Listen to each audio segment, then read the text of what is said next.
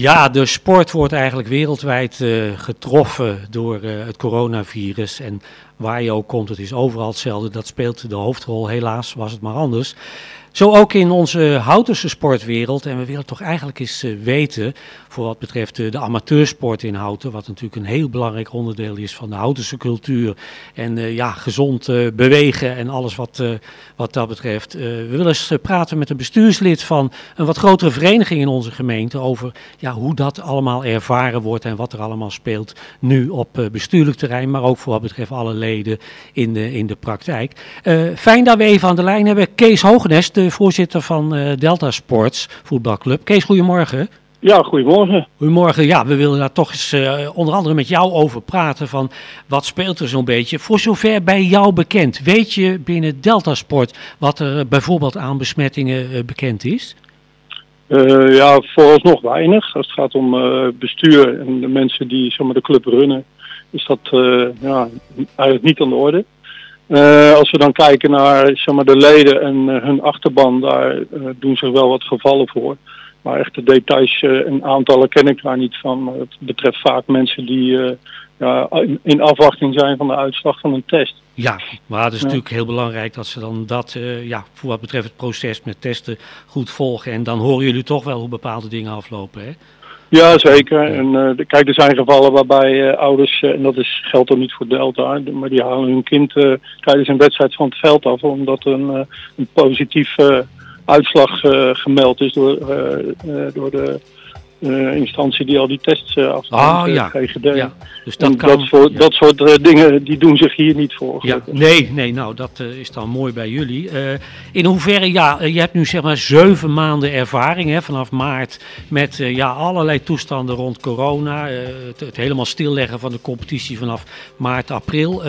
hoe hebben jullie dat zeg maar in die beginfase allemaal ervaren? Nou, met name het plotseling stilleggen van uh, de, de competitie. Uh, ja, dat werd natuurlijk als heel vervelend ervaren, maar we zagen daar ook wel de noodzaak van in.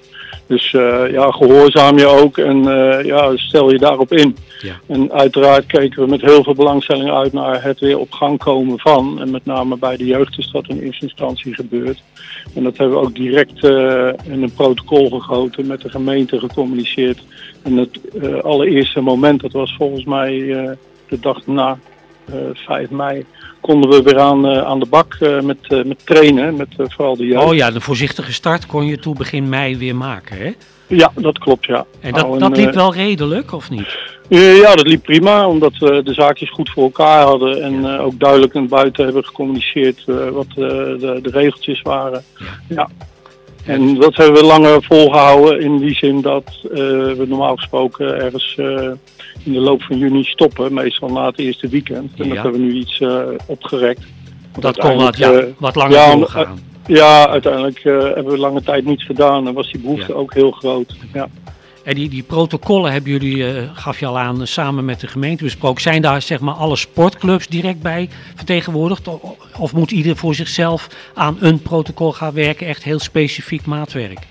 Ja, dat is eigenlijk wel maatwerk, want iedere vereniging heeft zo zijn eigen karakteristieken. En uh, zal een binnensportorganisatie uh, of een, uh, een hockeyclub daar anders mee omgaan dan, dan bij Delta het geval is. Ja, ja, indoor en outdoor, dat is natuurlijk een groot verschil, hè?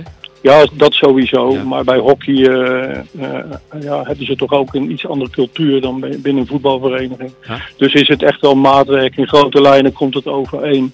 Want ja, als je zegt we gebruiken geen kleedkamers, dan gebruiken we geen kleedkamers, noem maar iets. Nee. Uh, en dat kan voor beide gelden. Maar als het dan gaat om uh, bijvoorbeeld douchen, uh, in de hockeywereld is dat wat minder aan de orde dan in de voetbalwereld. Oh ja, ja dus dat, dat zijn echt cultuurverschillen, hè? Ja, ja precies, ja. ja. En dus dat betekent ja. ook dat jullie ja, toch heel goed zeg maar, de leidraad van die protocollen hebben aangehouden.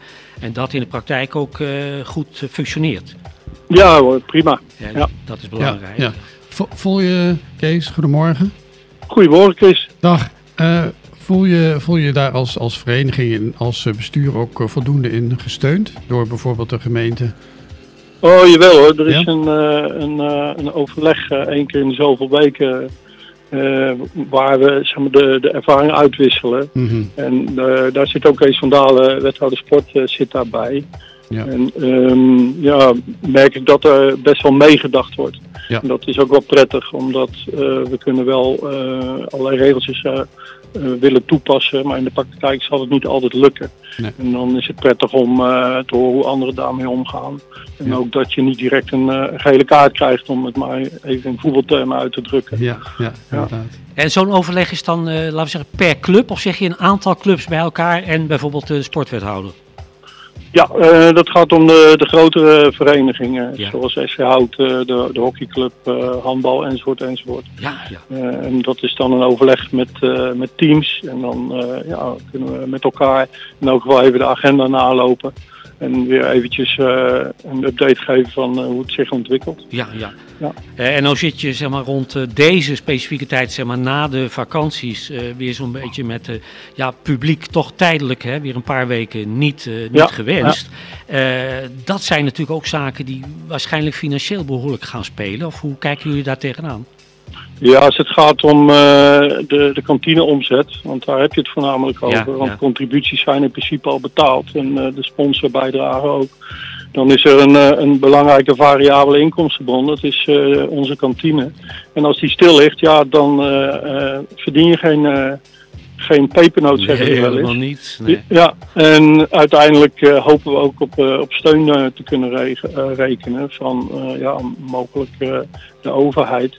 Om dat eh, te compenseren. Want Ja. het gaat nu om, eh, om eh, drie weekenden, maar dat worden er waarschijnlijk nog meer. Ja, wie weet als dat meer Ja. wordt. Dan, je weet het nog allemaal niet. Dus dat is het, het moeilijke. Heeft daar de gemeente zich ook al over uitgelaten? Van, het zou wel eens zo kunnen worden dat het aan ons naar ons gekeken wordt als gemeente? Nou, nee hoor.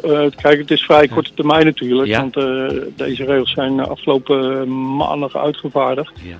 En ehm, ja, is, eh, is er nog geen overleg geweest.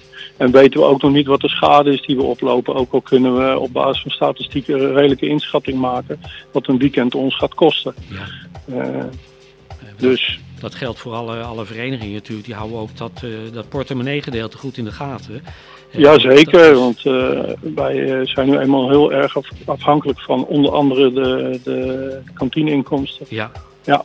Dus de, de rest loopt allemaal door.